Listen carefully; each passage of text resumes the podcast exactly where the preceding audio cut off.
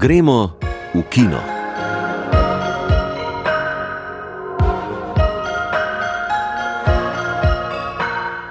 Lepo zdrav. Ljubljano je ob premjeri svojega petega celovečerca obiskal prvak romunskega filma Kristjan Munđiju. V današnji oddaji boste slišali, kako razmišlja o ustvarjanju filmov. Poleg tega bomo ocenili psihološko dramo Kit Derena Aronovskega in srhljivko trkanje v koči M. Night Shyamalana. V ospredju bosta še 17. festival gorniškega filma in 10. obletnica noči erotičnega filma. Vabljeni k poslušanju. I don't know. From home, all is best. Iubi, am intrat de acasă și n-ai de ce să mai fie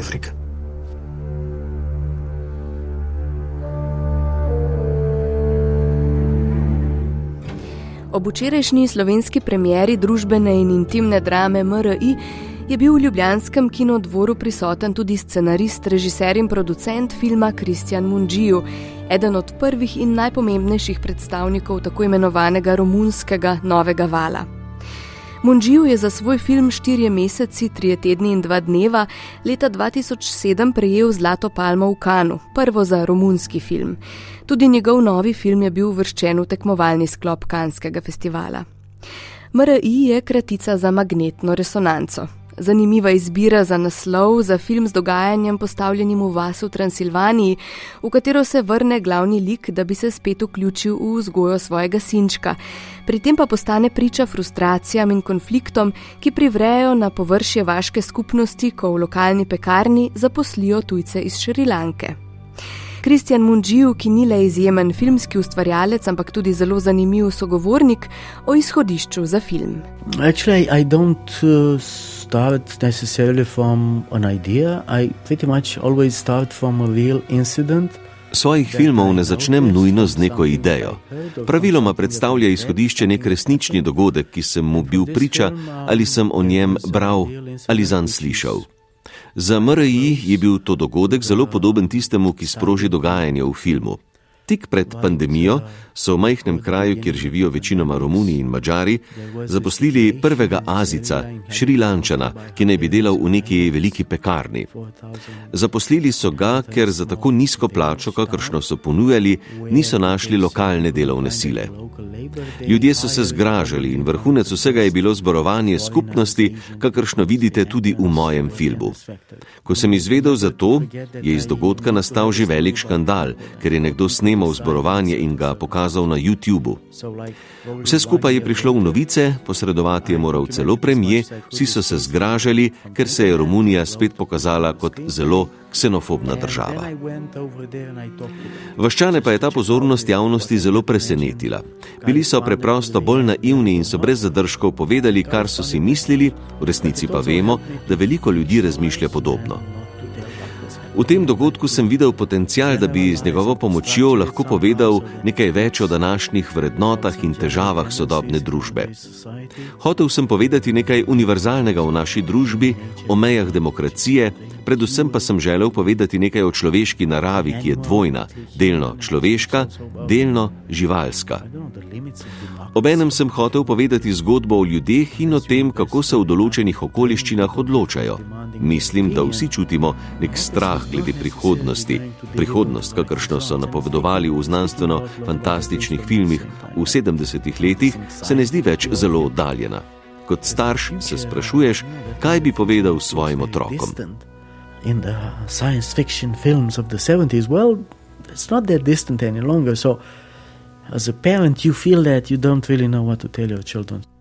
Kristjan Munđiju je s filmom MRI ustvaril poantiran razmislek o politiki Evropske unije in o globalizaciji, ki ljudem nista prinesli želenih koristi, ampak sta predvsem spodbudili veliko strahov glede prihodnosti.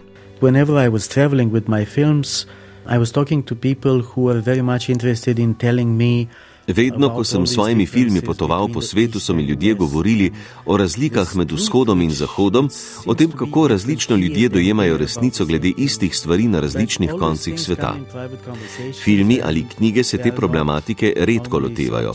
Zato sem želel posneti film o nečem, česar nihče noče poimenovati, ker ni politično korektno. Zdi pa se mi pomembno, da ljudje lahko izrazijo svoje strahove, kako čutijo do svojih sosedov in do Združene Evrope. Evrope, tudi če s tem niso politično korektni. Kristjan Munživ, ki ga motijo filmi, ki od gledalca ne terjajo nobenega razmisleka in sami ponudijo vse odgovore na vprašanja, ki jih zastavljajo, je svoj novi film, ki je tudi odlična intimna drama, zaključil metaforično, predvsem pa odprto in nepričakovano.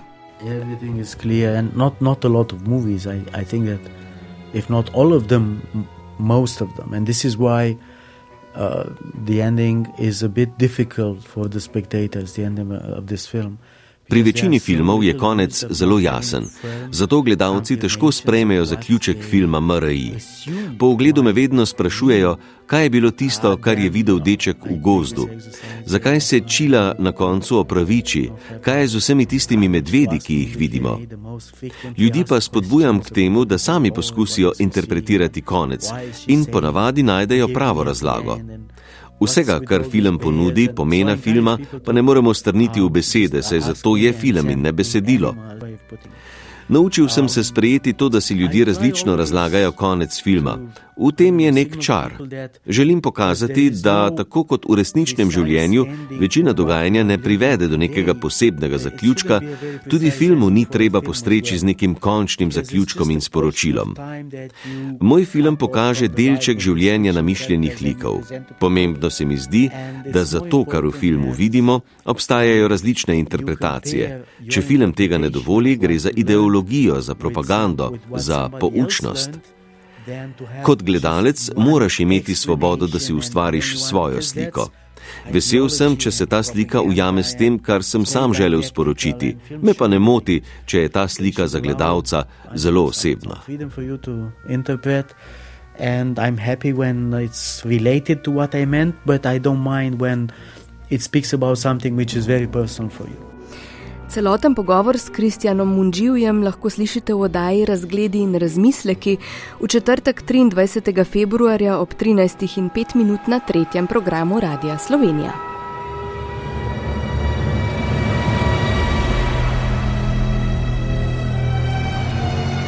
Do you ever get the feeling people are incapable of not caring?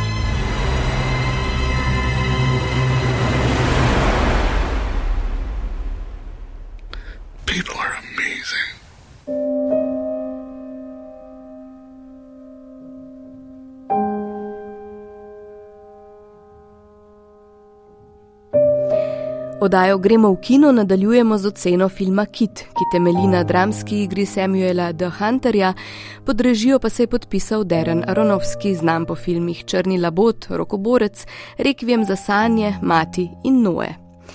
Brendan Fraser v kitu igra moškega, ki tehta 270 kg. Spremljamo ga v njegovem stanovanju, v katerem je zaradi svoje teže ujet in v njem preživlja svoje zadnje dneve, ko si želi ponovno navezati stik z najstniško hčerjo. Brendan Fraser je za svojo odlično upodobitev nominiran za Oskarja za najboljšega igralca. Več o filmu pa v besedilu Gaje Pešel. Brendan Fraser je Charlie, močno čezmerno težek moški, ki že mesece ni šel iz svojega stanovanja, preživlja pa se spletnim poučevanjem angleščine in pri tem skrbno pazi, da je njegova kamera vse čas izklopljena ni odljuden, ljudi ima pravzaprav rad, a ve, kakšen učinek ima lahko pogled na njegovo preobilno telo, zato se izogiba vsem stikom, celo dostavljavcu hrane, k sebi pa pripuščale prijateljico in negovalko, strogo in odločno lis.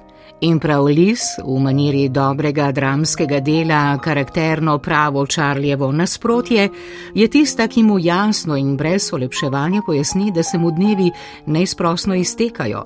In to Čarlija spodbudi k zadnjemu poskusu obuditve že davno mrtvega odnosa z najstniško hčerko. To pa je seveda neznansko težka naloga.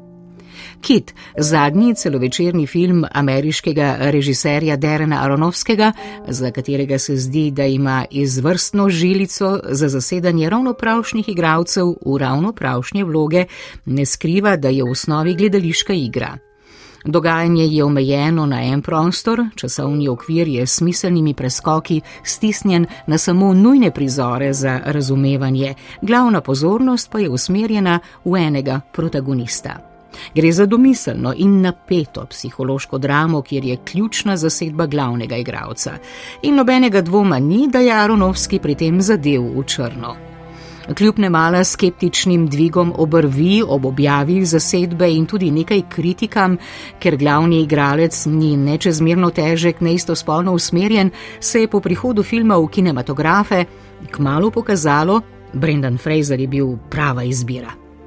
Ne le, da je do svojega preobilnega telesa, ki si ga je zagotovil z nošenjem izjemno neudobne proteze, izrazito spoštljiv, ampak Čarlija tudi povzdiguje nad vsakršno smiljenje samemu sebi, pri gledalcu ne zbuja pomilovanja na prvo žogo in ne išče upravičil za stanje, v kakršnem je njegov lik ta tako gnus in odpor preostalih likov sprejema stoično, z zavedanjem o svoji lastni odgovornosti za sedanjo situacijo, a tudi z neumajnim upanjem, da bo nekaj lepega in dobrega, torej njegova hči, vendarle ostalo za njim. Film Kit je predvsem igralski presežek. Poleg Fraserja je izvrstna tudi Hong Chao kot ljubeče zoprna lis, ki morda končno le kaže tudi ogledalo, sicer dobronamerno, a umetniško gledano nekoliko okorno zasnovanim ameriškim produkcijskim kvotam igralskih zasedb, zaradi katerih marsikateri film ni mogel do popolnosti izkoristiti svojega potencijala. Kit, ta pretresljivi in čudoviti poklon človeški raznolikosti, ga vsaj igralsko vsekakor je. Your family has been chosen to make a horrible decision. If you fail to choose, the world will end.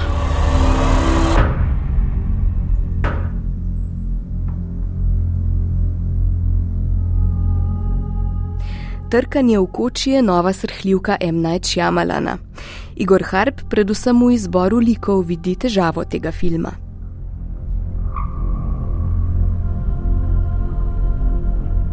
Nekoč je bil M. Night Shyamalan eden najbolj obetavnih režiserjev svoje generacije. S filmi kot so Šesti čut, Znamenja in predvsem Nezlomljiv, ki je dekonstruiral superjunaški film skoraj celo desetletje, preden je ta sploh postal kul, cool, je v žanru srhljivk postavil visoke standarde. A na to se je lotil apokalipse in tako smo dobili dogodek in čas po zemlji, ki sta se utapljala v slabi igri, dolg času in nesmislu. V intervjujih je tudi sam priznal, da je moral takrat poskusiti z novimi pristopi in tako se je vrnil z odličnima in bolj neposrednima grozljivkama obisk in razcepljen a očitno je začutil, da ima neporavnan dolg do zgodb po koncu sveta in tako se je lotil predelave večkrat nagrajenega romana Koča na koncu sveta ameriškega pisatelja Paula Trembleja. Zgodba je hermetična in omejena na samo sedem likov. Družina z dvema očetoma in posvojeno hčerko ter skupino štirih neznancev, ki jim udrejo v dopustniško osamljeno kočo v gozdu, jih zvežejo in od njih zahtevajo nepredstavljivo. Razložijo jim namreč, da bo sveta konec v grozljivih poplavah, bolezni in ognju, ustavi pa ga lahko edino njihova žrtev. Eden od njih mora prostovoljno umreti, preostala dva pa ga morata ubiti. Prostora za kompromis ni in ko se družina ne odloči sodelovati, začnejo štirje neznanci ritualno žrtvovati sami sebe, na to pa jim prikazovati poročila s posnetki katastrof. Režiser med pregovarjanji ustvari neverjetno tesnobo, ko se osredotoča na bližnje kadre obrazov z zamegljenim ozadjem, v katerem bi se morda lahko kaj premikalo ali pa tudi ne. Pri tem si lasti zaslugo tudi direktor fotografije Jerin Blaške, ki je na tesnobi med dvema človekoma zgradil celotno sceno odličnega svetilnika. Enako močan učinek ima nekdani rokoborec in zdaj z vsakim filmom boljši igralec Dave Bautista v vlogi Leonarda, vodje skupine usiljivcev, ki trdi, da je učitelj drugega razreda šole iz revne četrti in skuša družino prepričati v žrtev z neusahljivo prijaznostjo in očitno empatičnim razumevanjem njihovega položaja. Film tako gledalca posrga v dogajanje in ga drži v napetosti, ki se ustvarja med liki in tudi znotraj posameznikov. A ne glede na to, kako film učinkuje na obrtniški ravni, ima na metaforični isto težavo kot literarna predloga. Čeprav je pozitiven prikaz gejevskih družin v velikih študijskih filmih pohvalen, pa sama ideja, da apokalipso lahko ustavi le žrtev, ki takšno družino uniči, ni zgolj reakcionarna, temveč se zdi, da piha na dušo tistih najhujših homofobov, kot so Westboro Baptist Church, ki so protestirali na pogrebih gejev. Res je, na potencijalno žrtev družine lahko gledamo tudi z vidika potrebe po odrekanju v luči podnebnih sprememb in seveda bi pozoren gledalec lahko našel še množico povsem relevantnih interpretacij. A dejstvo je, da ima usoda družine v apokalipsi še toliko močnejši simbolni naboj, ker je gejevska. In to pove ravno toliko o filmu kot o družbi, ki se preobremenjuje z različnimi vrstami ljubezni.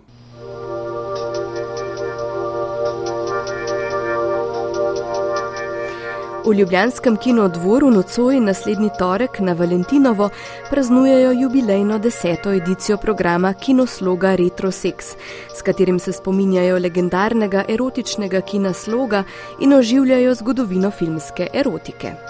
O obletnici se je s kuratorko Mašo Peče pogovarjala Petra Meterc.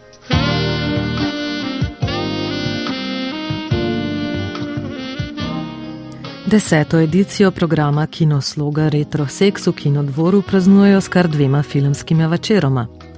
Prvi večer so na že tradicionalni noči erotičnega filma na sporedu trije filmi. Med njimi ikonična komedija mojstra Blakea Edwardsa 10, pa sadomazohistična romanca Ljubim te Kojija Shiraishija, ki je nastal v slovitem japonskem studiu Nikatsu, ter spomini gospodične Eiji v režiji prvega moža pornografske zlate dobe Gerarda Damjana. V torek pa se bo program začel z dokumentarnim performansom dokumentaristke Ruth Beckerman z naslovom Mucenbacher. Kot pojasni Mača Peče, kuratorka programa, film podrobno gled vzame. Dobito zelo glasno uh, literarno klasiko, klasiko uh, erotične literature dnevniki ali pa memoarji eh, Jozefine Mucenbacher iz leta 1906. Mi pa seveda vemo, da je bil en največjih hitov v kinosloga vseh časov Vroče noči Jozefine Mucenbacher, bavarski film iz 80-ih let in zato bomo te dva filma združili. In kaj se je kuratorki najbolj vtisnilo v spomin ob ustvarjanju programa zadnjih deset let? Verjetno se mi najbolj vtisnilo v spomin to, eh, da smo že od prve edicije Že s prvo edicijo bili tako lepo presenečeni, ko je bil kino nabito poln. To je ena stvar, in vsako leto je nabito poln. Uh, in ti gledalci se vsako leto vračajo in prihajajo novi, in po drugi strani to, kakšna je struktura in kako pestra je ta publika, ker gre za en zelo širok generacijski razpon. Imamo pa zelo mlade, odrasle študente in imamo zelo zlata leta. Uh, in vsako leto je tako. Program Kinosloga Retro Sex pogosto ponuja arhivske filme, do katerih pa ni tako lahko priti.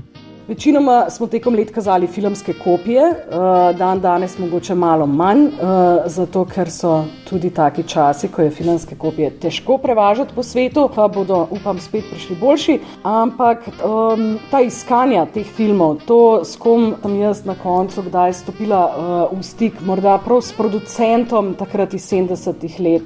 Pa tako naprej, to so tako zelo zanimive anekdote, predvsem pa eno veliko detektivsko delo. Tudi letos bodo dva filma zavrteli iz filmskih kopij. Kopijo filma Vroče noči Josefine Mucenbacher Hansa Biljana, ki se je v kinu Sloga prvič vrtela na Silvestrovo leta 1987, je zagotovila slovenska kinoteka.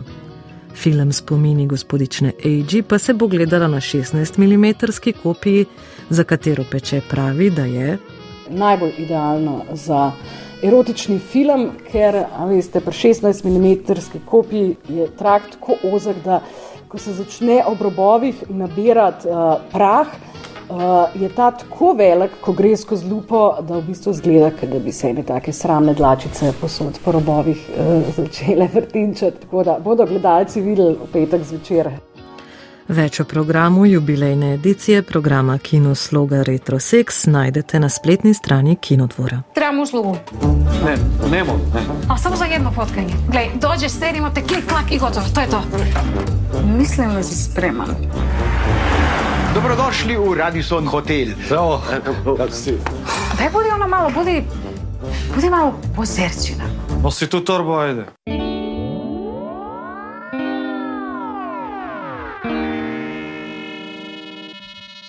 Ta teden je doživela premiero tudi romantična komedija Nekaj sladkega. Film je režiral Tin Vodopivec, ki je scenarij napisal skupaj z Urško Majdič, ki je tudi avtorica filmske glasbe. V filmu nastopajo Saško Kocev, Jelena Jovanova, Ula Furlan, Tina Gorenjak, Nik Škrlec, Luka Korenčič, Orjana Đoroto in drugi znani obrazi.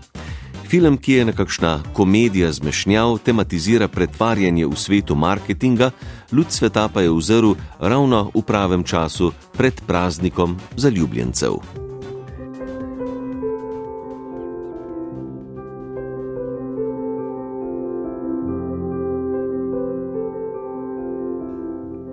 Festival gorniškega filma bo med 13. in 18. februarjem v Cankarjevem domu v Ljubljani, mestnem kinu Domžale, Linhartovi dvorani v Radovlici in kinu Metropolu Celju predstavil najnovejšo svetovno gorniško filmsko produkcijo, letos že 17. po vrsti.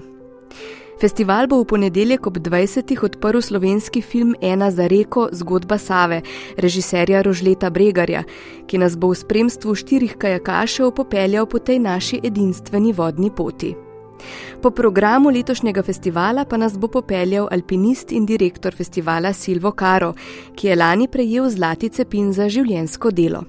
Z njim se je pogovarjala Veronika Gnezda. Štiri predavanja, pogovori in 29 filmov v že stalnih štirih kategorijah prinaša 17. festival gorniškega filma. Kot pravi alpinist in direktor festivala Silvo Caro, je letošnja z desetimi filmi najmočnejša kategorija plezanje. Jaz bi izpostavil recimo film od Adama Ondre, prav gotovo najboljših plezalcev v vsej zgodovini ki se ni proslavil samo kot športni plezalec, pač pa tudi kot odličen alpinist, eh, oziroma alpinist, plezalec velikih sten, predvsem v El Capitano. Potem eh, je en čudovit film o plezalcu, ki pleza bos, predvsem bolvane. Potem imamo film Bazaltni otok, plezanje sredi Indijskega oceana na Rion Islandu predvsem zanimivo zaradi okolja, kajti v tistem okolju se ne bi predstavljal, da se da plezati zaradi vročine, vlage in gladke skale in seveda odročnosti, ampak tudi tam se je našla čudovita skupina. Plezalcev, ki skrbi, da bi prišli v stik eh, s svetovnim plezanjem. Sicer pa bodo tudi tokrat na veliko platno prišle epske zgodbe z Himalaje. Ena takih je gotovo film Pasang v senci Everesta o prvi šerpini, Nepalki, ki je v 80-ih letih osvojila Everest. To ni domena njihovih ljudi, da bi pač hodili na gore. To prihaja v zadnjih letih šele, da tudi v Nepalu a, spoznavajo alpinizem v taki obliki, kot smo ga mi pred leti. Režiserka filma Nancy Svensen bo ena izmed gosti festivala, kot tudi Sean Birch, režiser filma Ledni doktor, o tragični zgodbi vodje Šerp, ki na poti na Everest opravljajo eno najnevarnejših del na svetu. Tudi iz tega je ta ime Icefall Doctor, so se pravi, oni skrbijo za ta ledeni slab. Skori katerega pa morajo iti vse odprave, ki grejo na Everest po tej klasični smeri. In danes je prišlo do tega, da vse komercialne odprave, ki grejo tisto sezono na Everest, tem Icefall Doctorsom, ki skrbijo za ta servis, plačajo ta servis in oni so tam neprestano, kajti skozi te ledene labirinte morajo opremljati uh, z aluminijastimi lestvami, z vrmi in to se neprestano spreminja. In oni so na tistem terenu non-stop in seveda tudi izpostavljeni tem objektivnim nevarnostim. Prvim osvajanjem najviše gore na svetu je posvečen film Prvi osvajalci Everesta, ki o pripovedovanju alpinistov spomni na čas prvih odprav na streho sveta. Švicarski film Brez vrtoglavice predstavi redkobesednega švicarskega graditelja mostov, ki je v času brez betona z opaži in pomožnimi mostovi ustvarjal neverjetne nosilne konstrukcije. Tukaj le sem s filmom izpostavil predvsem zaradi tega, kako švicari zelo lepo skrbijo za njihove pomembne ljudi, ne, ki niso gradili mostove samo v Švici, pač pa tudi po svetu. Ne, ta Richard Koraj je gradil tudi most na reki Tari. Na festival pride tudi Ana Sandrini, italijanska režiserka filma Izvir v mestu Rabel tik za predelom na italijanski strani, kamor so na delo v rudnik hodili tudi delavci slovenske strani. V logu pod Mangartom, skozi tisti tunel, ki je šel na drugo stran, tam so čez hodila ne, in delali na drugi strani v rudniku. In ta rudnik je svoje čase tam prinašal bogatstvo, družbeno življenje in vse ostalo, poganjal celo mesto, ko pa se je rudnik zaprl, je pa naenkrat mesto postalo mrtvo. Med štirimi filmi slovenskih ustvarjalcev bo na ogled tudi film o Dušanu Jelinčiču, letošnjem nagrajencu preširnega sklada, ki sam zase pravi, da ni alpinist, ki piše, ampak pisatelj, ki pleza. Kot pravi alpinist in direktor festivala Silvo Karo, bo gorniški literaturi posvečen pogovor spremljevalnega programa Beremo gore. Zanimivo je, da tudi to, ne, kar vzamejo seboj za brat, sploh v njih časih, ko ni bilo še povezave v baznih taborih, danes je to malo drugače, ker se v baznih taborih povezan s svetom. Potem pa seveda tudi, ne, kako bogati alpinizem, kako ustvarjalen je. Ne vem zakaj, pač jaz mislim, da ne bi bil rad uh, žaljiv do nogometa, ampak nogometaši sigurno ne pišejo toliko knjig kot uh, alpinisti. Zdaj, zakaj pride do tega? Uh, mogoče je tudi intenzivno doživljanje narave in nevarnosti vsega tega pripelje do tega, da so alpinisti mogoče malo bolj uh, razmišljujoči, bolj ustvarjalni, pa tudi poligon je vedno drugačen, ne, ni vedno isto igrišče. Gorniške filmske ustvarjalnosti pa bo torej tudi letos poln festival gorniškega filma, ki bo od ponedeljka 13. februarja do sobote 18. potekal na že stalnih prizoriščih v Ljubljani, Domžalah, Radovlici in Celju.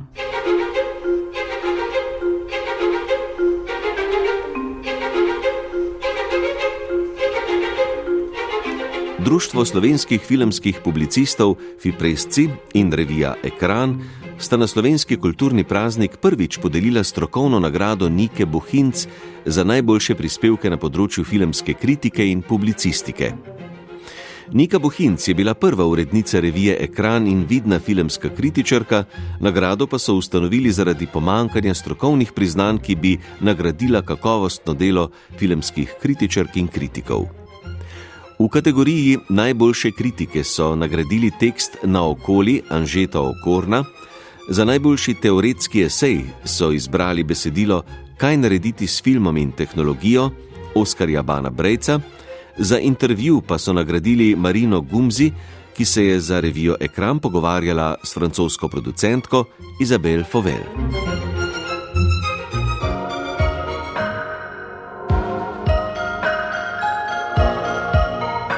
Poslušali ste vdajo Gremo v kino. Brala sta Lidija Hartmann in Matjaš Romih, glasbo je izbrala Tina Ogrin, zvočno je vdajo oblikovala Mirta Berlan, vodila pa sem jo Tesa Drevjuh. Lepo zdrav do prihodnič.